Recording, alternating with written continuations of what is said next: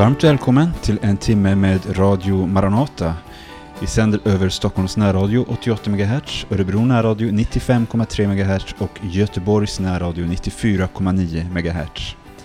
Den här timmen ska vi få fortsätta lyssna till samtal kring bergspredikan och vi är framme vid del 4 nu. Och med i samtalet är Berno Widén, Hans Lindelöf och Paulus Eliasson. När vi lyssnar till dem så hör vi en sång.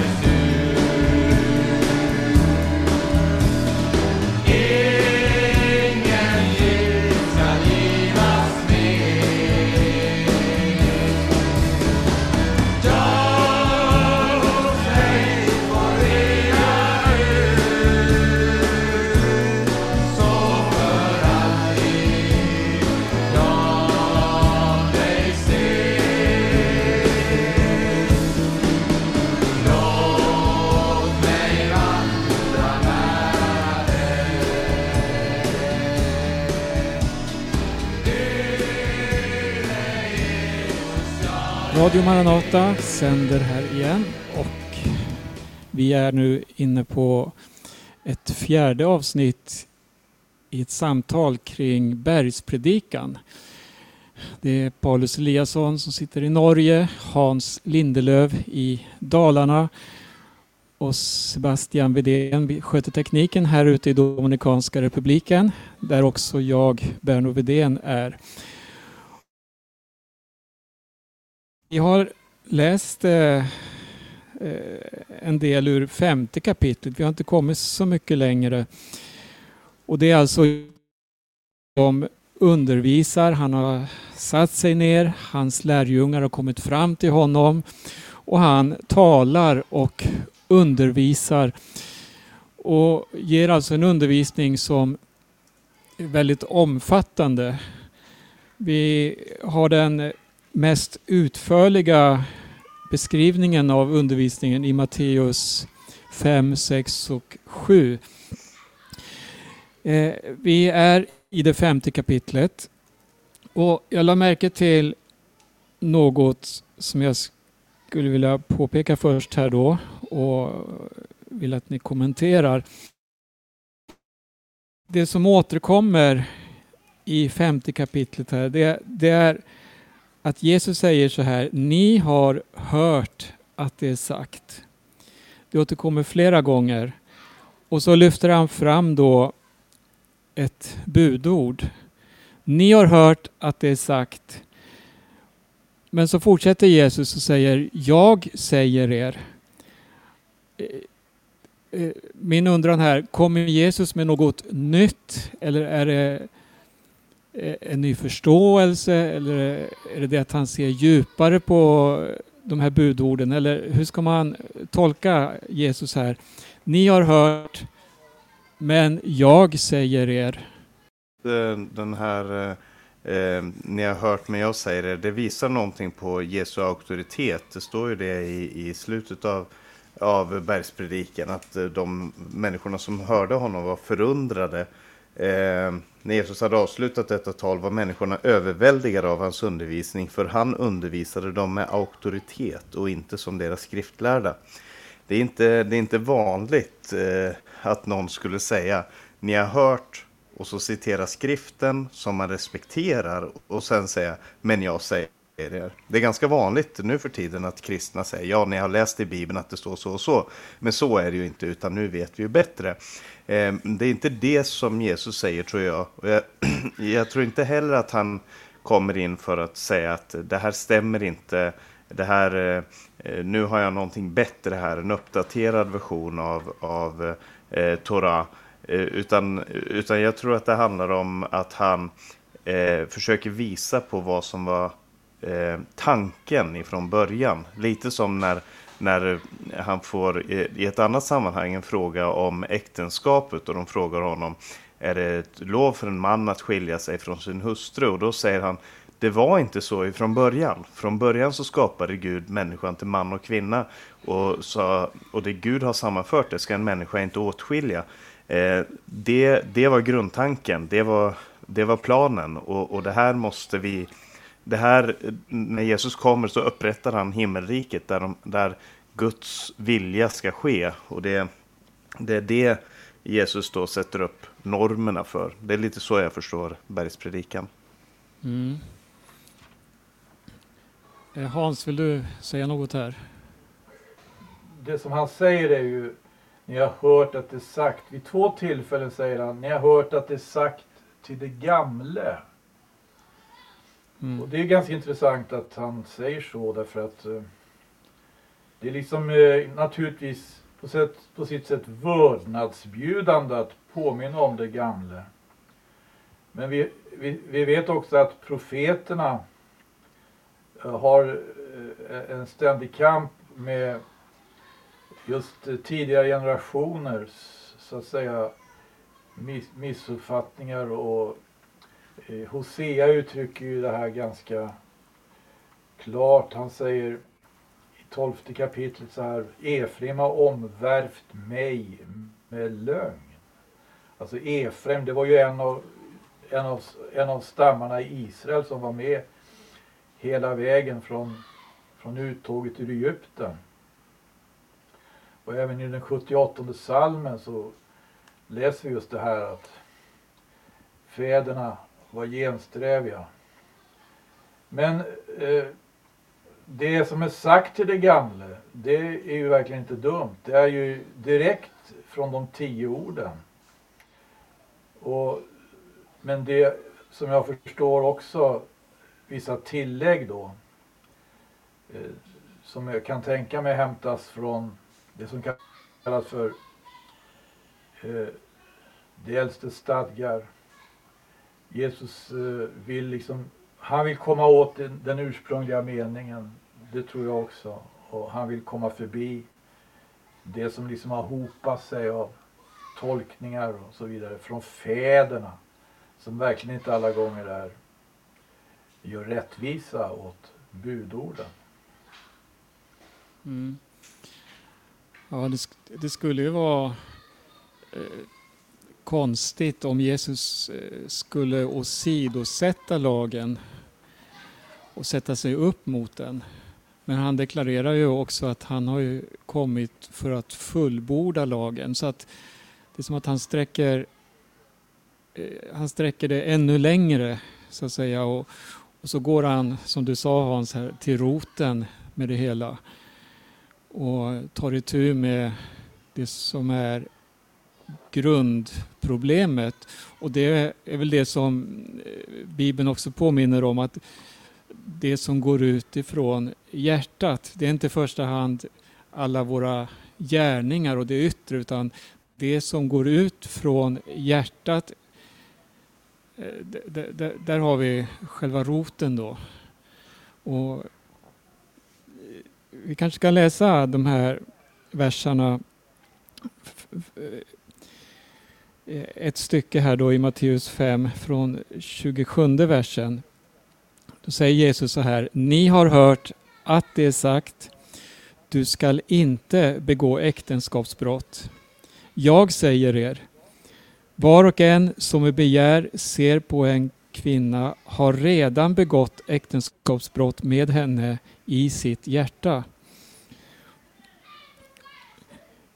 Eh, ska vi stanna där först och fråga dig Paulus vad, vad du kommenterar här? Ja, det, det, är några saker här som är viktiga att lägga märke till. Eh, för att när jag, jag har läst en del om eh, just de här tio orden, eller tio budorden som vi kallar dem, eh, och hur, hur, man, eh, hur man förstår dem i, i vår moderna tid, alltså hur modern forskning förstår Eh, de, de tio budorden. För det är ju ett av de tio budorden som säger du ska inte begå äktenskapsbrott. Eh, och eh, det de säger är att eh, den här lagen blev given för att, man, för att kontrollera och eh, sätta upp normer omkring det med familj. För att familjen var så det var så viktigt vem som skulle ärva och så vidare. Så det här handlar inte, sa man då, om, om att Eh, han förbjöd eh, utom, utom äktenskapliga förhållanden, men att man inte skulle ha eh, att man inte skulle ha förhållanden med någon annans hustru. Eh, men eh, faktum är att när Jesus, och det kan gott hända att folk förstod det på det sättet för att eh, flera gånger i Bibeln och, och som historiskt sett så kan man säga att eh, även om man såg ner på det att, eh, att eh, Eh, bryta äktenskapet med en annans hustru eh, så såg man inte ner på det att till exempel eh, gå till prostituerade eller liknande. Men det Jesus säger här är inte den som ser med begär på en annans kvinna eller en annans hustru har begått äktenskapsbrott med henne. Han säger den som ser med begär på en kvinna har redan begått äktenskap med henne i sitt hjärta. Och, och han placerar eh, orsaken, eh, bakgrunden och, och det som Eh, leder fram till äktenskapsbrott, det placerar han i hjärtat. Det är, det som, det är där problemet uppstår. Och som jag ser det när, när Jesus säger det här så, så handlar det om att eh, eh det handlar om en, att reducera en annan människa till ett objekt. I det här fallet ett sexobjekt. I tidigare här så, så är det ett eh, objekt för din ha, ditt hat när det står om, om hat och mord att man reducerar människan från det man är, nämligen skapad i Guds avbild. Eller reducerar en, en kvinna från det hon är helt och fullt, till att bara bli ett objekt för mitt begär. Det är där problemet ligger, när man inte förstår in, eller inte behandlar människor utifrån den gudagivna, eh, eh, det gudagivna värde som en människa har. Eh, det, det är kanske det största problemet vi har, både i vårt samhälle, historiskt och, och i mänskligheten. Det, det reducerar kvinnan här, i, i det här fallet som han talar om, eh, till, till ett objekt. Och det är det som han vänder sig emot. Att eh, du ska, det har hört att det är sagt, men rotproblemet här, det, det handlar inte bara om handlingen. Du kan inte eh, gå runt och vara nöjd över dig själv för att du har lyckats, eh, lyckats hålla dig borta ifrån själva äktenskapsbrottet. För att äktenskapsbrottet, det händer redan i hjärtat när du reducerar en människa eh, från det Gud har sagt om den människan till någonting som du önskar. Mm. Eh, när du säger det här så eh, tänker man på den beskrivningen som ges i Johannes 8. När en kvinna blir förd framför Jesus. Hon har blivit påkommen under en akt så att säga. Hon är prostituerad då och har haft en man. Men eh, det står ingenting om mannen utan det är kvinnan som eh, här förs fram då inför Jesus och man är beredd att stena henne. Men det måste ju finnas en man i sammanhanget också som borde vara lika skyldig.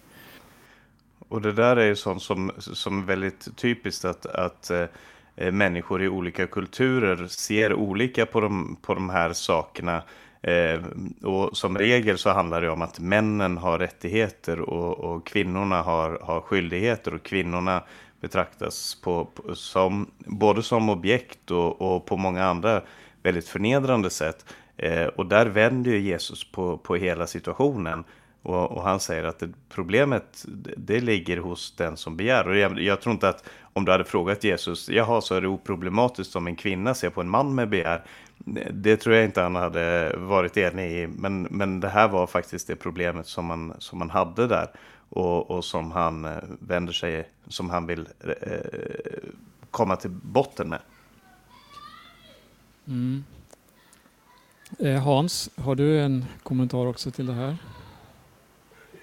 Jag skulle önska att du läste igenom hela det här, allt Jesus säger här om det sjätte budet. Därför att jag tror mm. att det mm. behöver belysas. Både, det, det finns nämligen saker här som kommer igen i hans undervisning senare i evangeliet. Både från det 18 kapitlet och det 19 kapitlet kan vi göra jämförelser som kanske blir uh, till nytta för oss. Ska vi läsa då från 27 eh, versen igen här för sammanhangets skull och fram till och med 32. Ja. Ni har hört att det är sagt, du skall inte begå äktenskapsbrott. Jag säger er, var och en som med begär ser på en kvinna har redan begått äktenskapsbrott med henne i sitt hjärta. Om ditt högra öga förleder dig till synd, så riv ut det och kasta det ifrån dig. Det är bättre för dig att en av dina lemmar går förlorad än att hela din kropp kastas i Gehenna. Och om din högra hand förleder dig till synd, så hugg av den och kasta den ifrån dig. Det är bättre för dig att en av dina lemmar går förlorad än att hela din kropp kommer till Gehenna. Det är sagt, den som skiljer sig från sin hustru skall ge henne skilsmässobrev. Jag säger er, var och en som skiljer sig från sin hustru av något annat skäl än otukt, han blir orsak till att äktenskapsbrott begås med henne och den som gifter sig med en frånskild kvinna begår äktenskapsbrott. Så långt bibeltexten. Då, då, då, tror jag vi kan jämföra med vad, som, vad, vad Jesus säger då i 19 kapitlet. Det, det trädde nämligen fram några fariseer, står det här i tredje versen där. Och de säger, är det lovligt att skilja sig från sin hustru av vilken orsak som helst?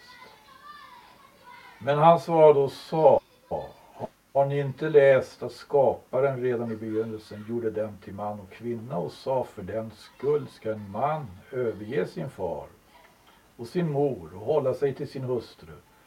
Och det är tu, de två ska bli ett kött. Så är det inte mer två utan ett kött, vad nu Gud har sammanfogat, det må människan inte åtskilja. Fariseerna fortsätter här. Hur kunde då Mose bjuda att man skulle ge hustrun skiljebrev och så skilja sig från henne? Han svarade dem, för era hjärtans hårdhets skull tillstade Moses er att skiljas från era hustrur, men från begynnelsen har det inte varit så. Det var alltså från Matteus 19. Och jag slir sig från sin till honom. Är det så med mannens ställning till hustrun så är det inte rådligt att gifta sig. Lägg märke till, det Jesus säger här, han lyfter alltså upp äktenskapet till en sån dignitet att det så att säga det stör förmodligen inte bara fariséerna, det stör lärjungarna. Och jag tycker det är intressant vad, vad han säger också i, i 19 kapitlet. Ja, när han svarar där på frågorna från fariséerna. Mm. Du säger att Jesus lyfter äktenskapet upp till en väldigt hög nivå med hög dignitet. Ja. Är, är, det, är det något vi kan eh, kanske ta till oss idag också för att det finns ett väldigt angrepp just mot äktenskapet som konstitution mot familjen i det moderna samhället så att säga. Alltså, det här måste man, här måste man ju på något sätt eh, söka sig till liksom, det här, här, här, här, det Jesus lyfter fram det är ju egentligen någonting som är väldigt djupt eh, tillbaka långt i historien. Så långt tillbaka så att vi för det mesta betraktar det som myt myter allmänt sett, som myter. Men han, han lyfter på fullt allvar fram alltså själva, alltså han, han, han talar om skaparen. Skaparen. Mm. Och det, att det här liksom eh, med äktenskapet då, det var det första då, om man säger förbund, förbundsliknande förhållande. Gud har ju ingått förbund genom historien. Och det finns ju inte ett enda exempel på att Gud har ingått ett förbund eh, där inte just eh, äktenskapet som ett förhållande mellan man och kvinna har spelat någon roll. Det har ju varit så hela tiden och även när Jesus kommer så, alltså, så påminner han om det. Eh, jag tror alltså att eh, det är någonting här och snälla någon man kan känna sig fullständigt krossad av det här alltså, som, mm. som människa, som man. Fullständigt och jag brukar trösta mig med Därför att man, man vet ju var ögonen far ibland och det är verkligen inte bra alltså. Och, eh, men Jesus är ju brudgummen. Den kristna församlingen, där är han brudgummen. Mm. Och att han så att säga, att han eh, understryker här en, en trohet, alltså en trohet av en sån karaktär det är ju på det viset en väldig tröst. Men naturligtvis också en väldig utmaning för en människa av kött och blod. Men det verkar inte som på något annat sätt än att den, den ska vi ha. Va? Och även står det när aposteln Paulus undervisar i Efesierbrevet om, om, om, eh, om äktenskapet. Han skriver om en hemlighet. Han, det handlar om Kristus och församling. Så skriver han dock gäller också för er, eller något liknande. Att eh, eh, mannen ska älska sin hustru, utge sig själv för henne och att kvinnan ska vörda sin man. Ja, det, det är eh, det här är någonting eh, som vi förstår enormt stort och kanske inte så lätt att få tag i Fråga mig, Mm. jag har aldrig fått tag i. Ja. Det du citerade här, det var ju från Efesierbrevet 5 där Paulus skriver om Kristus och församlingen och jämför då med eh, föreningen mellan brud och brudgum, äktenskapet. Ja. Eh, Paulus, vad är din kommentar? Ja, jag tänker lite på den här eh, lite, väl, eller väldigt eh, svåra texten här, vers eh, 29-30. Om ditt högra öga förleder dig till synd så riv ut det och kasta det ifrån dig. Om Mm. din högra hand förleder dig till synd, hugg hugg av den och kasta den ifrån dig. Det är bättre för dig att gå, en del av din kropp går förlorad än att hela din kropp hamnar i Gehenna, eller helvetet säger vissa översättningar. Eh, Hinnoms dal var ju en dal utanför Jerusalem där det brann hela tiden, där man slängde sina sopor och där det alltid var. Och Jesus använder det som en bild på den kommande domen. Eh, men det här, är, det här är ju, man skulle ju tänka att antingen så är det här någonting som aldrig händer hos oss. Eh, Eh, att man aldrig någonsin blir förledd av sitt öga eller sin hand. Eh, eftersom det inte är några kristna, så vitt jag vet, som, som amputerar sig själva eller eh, river ut sina lemmar. Och då måste man ju fråga sig, vad beror det här på? Vad, lyssnar vi inte på Guds ord? Eh, eller, eller lever vi under en annan ordning nu? Är det här någonting som gällde innan korset eller efter korset? Eh, och jag tror att det finns väldigt många olika tolkningar av det här. Jag får bara säga som, som jag tänker det och det kan hända att ni, att ni har en annan syn på det här. Jag, jag tänker som så här att det Jesus eh, önskar att göra som så många andra gånger det är att, att väcka människors eh, sinnen, väcka människors tankar inför det här. Precis som han har gjort innan där han säger saliga de fattiga, saliga de sörjande, saliga är, ni när ni blir förföljda och så vidare. Så vill han väcka människors tankar eh, genom att eh, genom att eh, eh ta, ta en situation som vi kanske nästan tycker är alldaglig eller som vi tycker ja, men det är väl inte så noga det där. Jag, jag har de här drifterna och det, det är bara sån jag är. Eh, och, och att Jesus kommer in i den här situationen och säger att det, det är inte okej. Det är inte bra. Det, det kanske är så normalt som du bara vill ha det.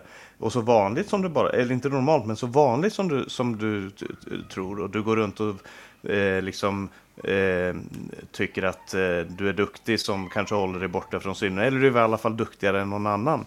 Men, men Jesus kommer in och säger att nej, det, det här, dina drifter är helt enkelt inte det viktigaste. Och så otroligt många människor som har skyllt ifrån sig på sina drifter. Ja, men jag kunde inte annat. Jag, jag förmådde inte annat. Jag, eh, jag, jag, jag tänkte mig inte för, eller vad det kan handla om. Nej, så jag tror att eh, Jesus vill poängtera det här, att det finns ingenting som är viktigare än att vi eh, eh lever heligt inför Gud. Att vi, att vi följer hans bud, att vi eh, eh, lever heligt inför varandra också, respekterar varandra, ser varandra som det Gud har tänkt om oss eh, och, och inte och, och, och också ha fokus på det här att det kommer en evighet. Det finns någonting framför oss som, som är värt mer än allt här på jorden. Mm. Eh, kanske kan jag inflika en, en kommentar då som finns till den här versen i folkbibeln. Eh, Det står att Jesus vill genom en drastisk bild ha sagt att frestelsen och det onda måste ryckas upp med roten med en gång innan det visar sig i handling. Till och med det främsta av våra kroppsdelar, höger öga och höger hand, kan leda oss till de farligaste synder om inte är på vår vakt. Så, Mm. så kommenteras den här. Ja. Och det är, ju, det är ju tydligt att Jesus använder ett slags, eh, eh, ett slags bildspråk för att om vi nu skulle tala om just äktenskapsbrott och så, så är det ju en, en för att använda eh, lite heligt språk, en, en lem som han inte alls har med här. Kanske hade varit den som var mest aktuell. Eh, så jag, jag, men, men det är helt klart att Jesus har, ett, har en, eh, han har en önskan och en längtan om att hans folk ska leva i helighet här på jorden för att vara vittnen om, om Gud och, och, och Guds kärlek till människorna. Klart, ska vi gå tillbaka till saligprisningarna så sa ju Jesus saliga är de renhjärtade. De ska mm. se Gud. Och här har vi ju ett verkligen högre mål och högre värden än allt som på olika små, kanske oskyldiga sätt kan förstöra den eh, gemenskapen med Gud. Så Gud vill, mm. Man ser Guds nåd i det hela. Man ser Jesus han varnar verkligen för syndens faror och konsekvenser. Vi eh, ska lyssna till en sång och därefter så läser vi vidare här i Matteus 5.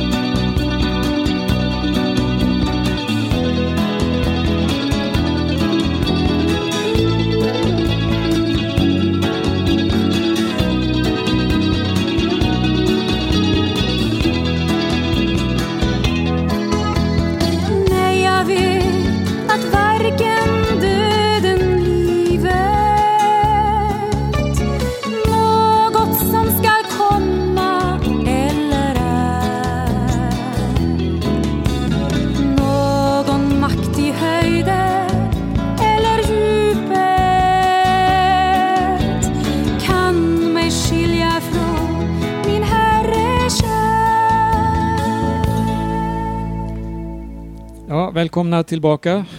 Du lyssnar till Radio Maranata och vi ska läsa nu från vers 33 i Matteus 5. Det är alltså ur Jesu bergspredikan. Ni har vidare hört att det är sagt till fäderna, du skall inte svära falskt och du ska hålla din ed inför Herren. Jag säger er, ni skall inte alls svära, varken vid himlen, den är Guds tron, eller vid jorden, den är hans fotpall. Eller vid, Jerusalem, det är den store konungens stad. Inte heller skall du svära vid ditt huvud, ty du kan inte göra ett enda hårstrå vitt eller svart. Ert tal ska vara ja, ja och nej, nej. Allt utöver det kommer från den onde. Ja, Mm. då, vad säger ni om de här verserna? Ja, eh, nej, eh, för att om, om den förra texten vi läste eh, säger, eh, liksom är eh, eh, någonting som jag upplever eh, direkt att ja, men det, här, det här felar jag varje dag. Jag kanske borde hugga av med både hand och, och, och, och ögon och allt som är. Eh, Så när jag läser det här så tänker jag, ja men här står jag i alla fall här har jag- står jag i alla fall på trygg grund. För jag, har, jag kan inte minnas att jag har svurit vid något tempel. Jag kan inte minnas att jag har svurit vid varken himmel eller jord eller någonting annat. Eh, så det här kan ju inte vara... Det här, den, här versen kan, den här texten kan ju inte handla om mig. Eh, och jag vet att på den tiden och i andra kulturer så har man det här att när man lovar någonting så, så ska man svära då. Och, och, Eh, men när jag, när jag söker, när, när man forskar lite på det här och vad, vad som var bakgrund för, för det här så förstår man att det finns en, en eh, liknande situation i vår tid också. För att det som hände här var att om, om man skulle försäkra någonting, alltså man skulle bara mm, liksom eh, ha ett kontrakt eller någonting, då skulle man, då skulle man svära vid någonting för att, Ehm, för att underbygga sitt påstående. Det här, jag är trovärdig genom att jag svär vid templet eller vid eh, guldet i templet eller vid det eller vid det eller vid... Eh, och så... Och så... Man skapelsen, de heliga tingen eller Gud själv, hans boning, använder man för att skapa trovärdighet för sig själv. Och anledningen att man behöver skapa trovärdighet för sig själv är ju att människor inte är trovärdiga. Hade vi varit helt och fullt trovärdiga så hade ju ingen behövt säga jag svär vid någonting. Utan då hade, man, då hade vi bara litat på varandra hela tiden. Det är ju för att vi är falska, för att vi är lugnare, för att vi är bryter det vi har lovat som den här eh, situationen uppstod. Och så var man tvungen då att svära vid högre och högre ting för att kunna ha ett fungerande samhälle. Men så fungerar det inte i alla fall för att människor ljuger. Människor, och, och, och så kan vi säga att ja, men det här har vi ju inte idag. Vi, vi har inte den typen. Men jag tror ändå att när vi bygger bilden av oss själva inför varandra. När vi, när vi talar om vad vi gör, vad vi får till, vad vi har gjort och, och vilka människor vi är. Så överdriver vi, för, om vi ska säga det milt, och vi ljuger om man ska vara helt ärlig väldigt ofta för att framställa oss själva som någonting bättre än det vi är. Och det, det skapar en, en eh, situation där vi, eh, eh där vi egentligen bryter ner bilden av vad en människa är genom att vi är inte trovärdiga. Eh, när, sanningen, när, när sanningen kommer för en dag så visar det sig att nej, vi var inte trovärdiga. Eh, och det är därför Jesus vill vi, att vi ska bryta med den här lögnkulturen. Den här eh, kulturen där vi framhäver oss själva när vi egentligen borde vara ödmjuka inför varandra och säga jag är inte det här perfekta väsnet som jag har eh, framställt mig själv som. Jag är en svag människa precis som du. Låt oss göra det bästa av situationen. Låt oss hjälpa varandra. Jag tror att det, det är något av vad man kan hämta ifrån den här texten. Det blir väl lite att han får växa till och jag förminskas. Ja, precis. Ja. Eh, Hans, vill du fortsätta?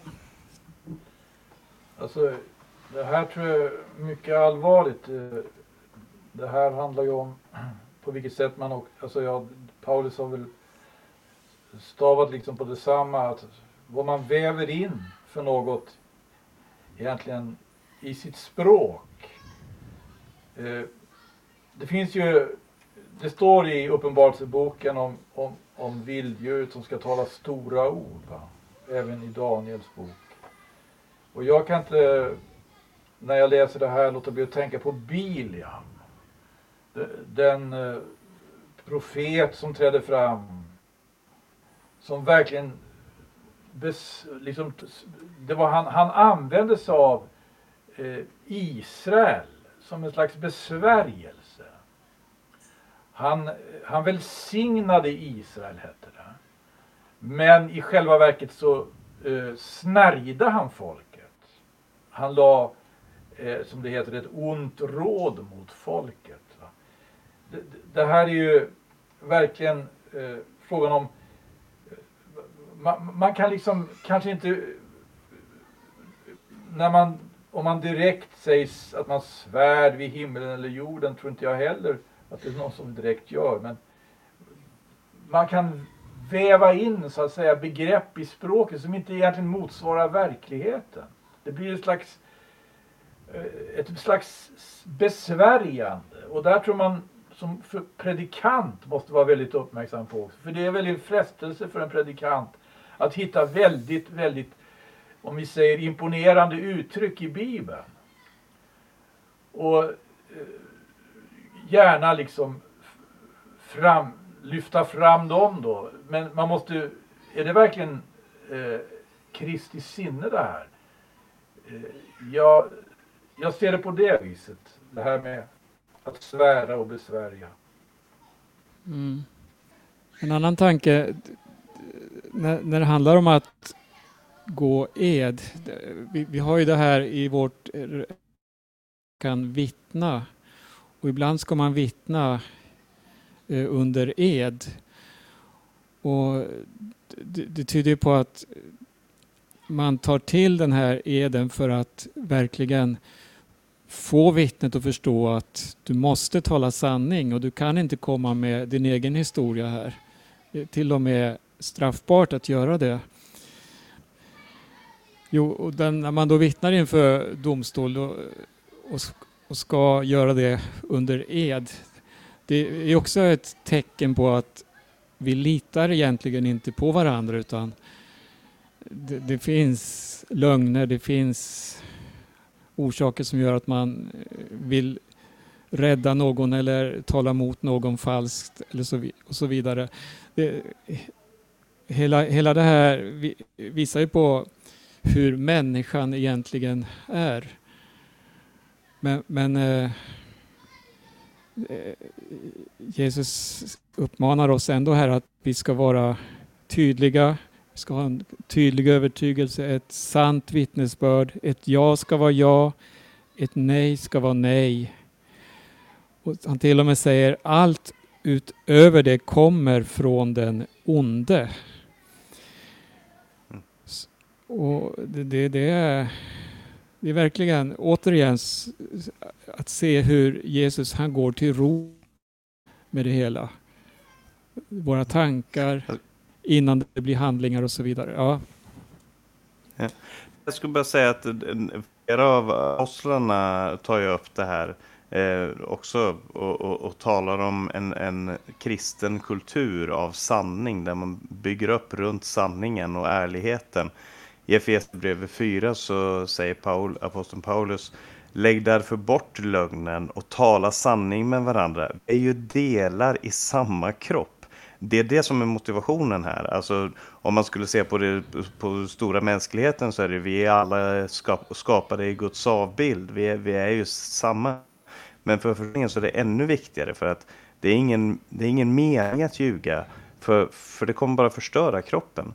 Mm. Ehm, och sen i, i Kolosserbrevet 3 så säger han ljug inte för varandra. Ni har ju klätt av er den gamla människan med hennes gärningar. Alltså, ni har ju startat ett nytt liv. Nu, nu lever ni för Kristus och vi vet ju vad bergspredikan säger. Låt oss kämpa för att, för att tala sanning med varandra och inte, inte dölja någonting. Och Jakob äh, säger också äh, nästan ordagrant som Jesus. Framförallt mina bröder Svär ingen ed, det här är Jakob 5 och vers 12. Svär ingen Mm. ed, varken vid himlen eller vid jorden eller vid något annat. Låt ert ja vara ja och ert nej vara nej, så drabbas ni inte av domen. Jag tycker det är, eh, Bibeln är, är väldigt solklar på det här att man, eh, vad, nyttan, även om det är svårt så är det en otrolig nytta i att hålla sanning till varandra. Och, och det här är ett budskap inte till hedningar, så, utan det, Paulus skriver ju till församlingar. Jakob skriver till Ja.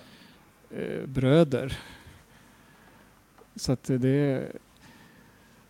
det, det är någonting som vi får ta itu med allihopa och låta oss formas.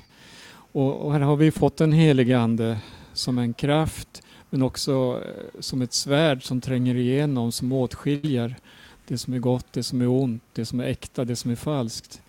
Och som, som kan hjälpa oss att vi får byggas upp till sanna andliga vittnen. Så, ja. Och säger ni, ska vi läsa de sista verserna här i kapitlet och ta en stund med det också. Det finns väl utrymme för va? Ja. Eh, vers 38. Ni har hört att det är sagt öga för öga och tand för tand. Jag säger er, stå inte emot den som är ond, utan om någon slår dig på den högra kinden, så vänd också den andra åt honom. Om någon vill ställa dig inför rätta och ta din livklädnad, så låt honom få din mantel också.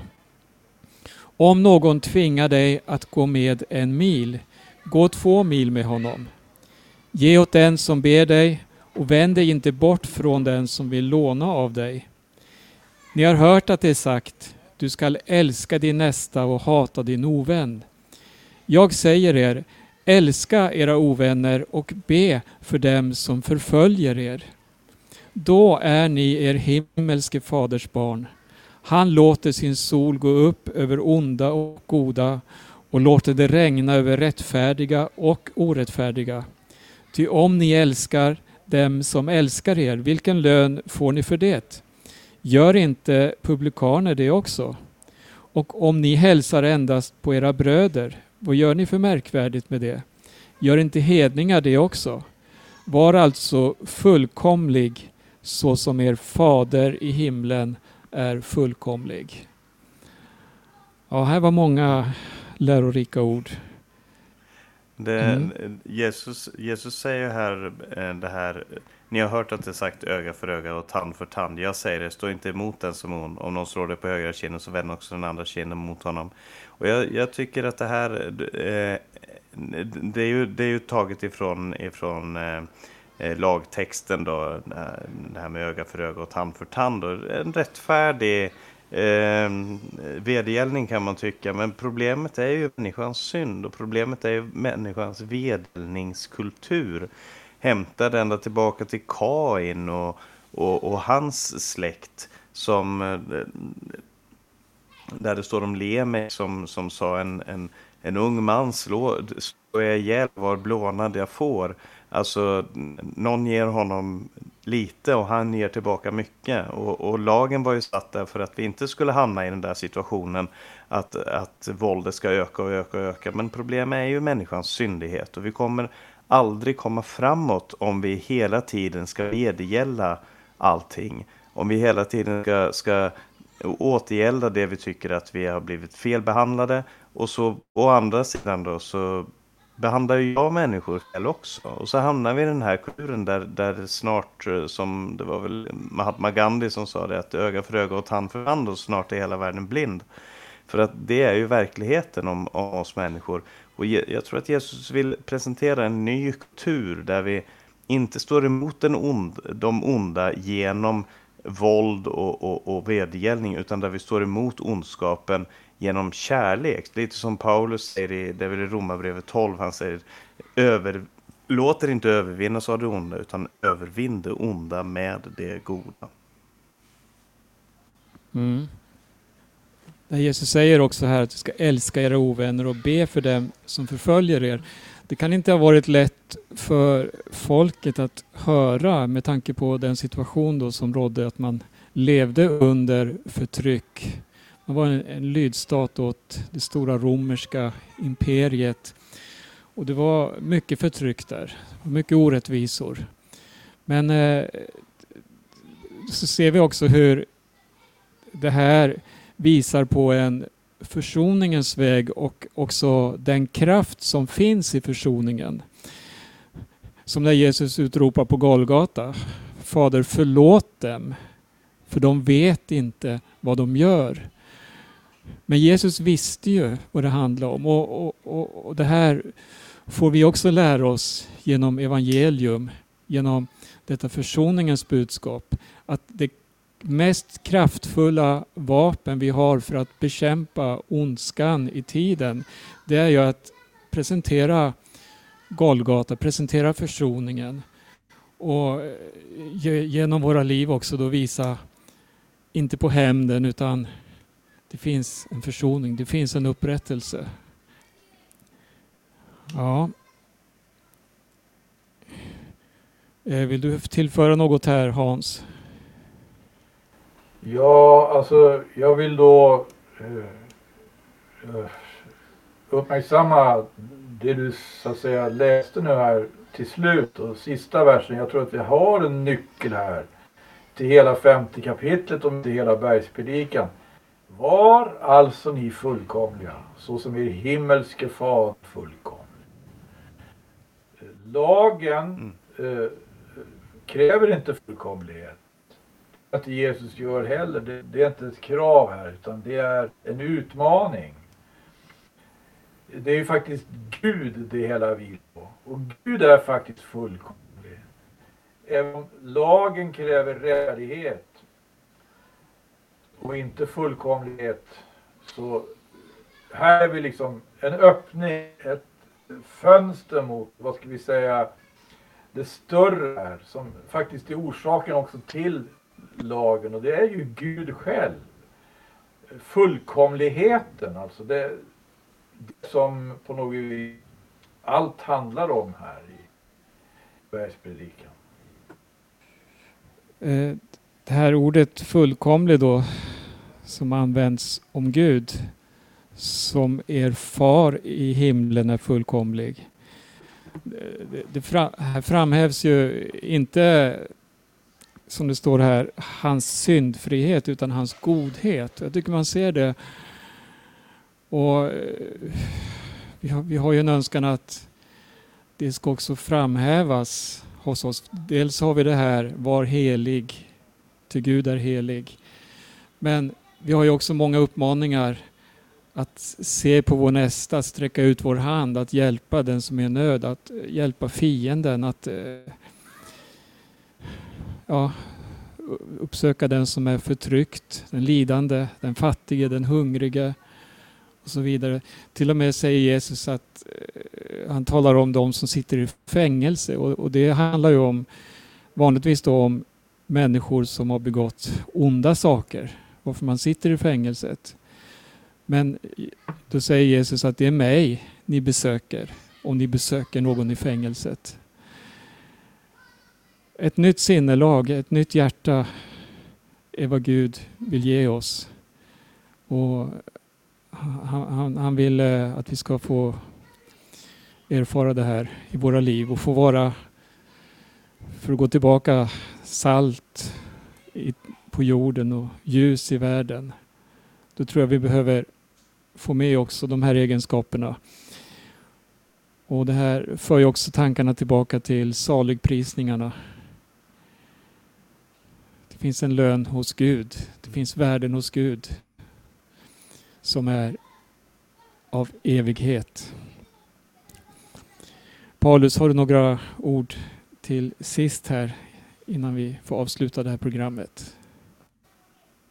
Jag tycker att du sa det bra när du sa att det här, är, det här är en inbjudan från Jesus och, och till ett nytt liv. Det är det verkligen. Det här som text som som man vill komma tillbaka till gång på gång på gång för att eh, se hur, vilken kultur Jesus vill skapa, vilken värld Jesus önskar sig.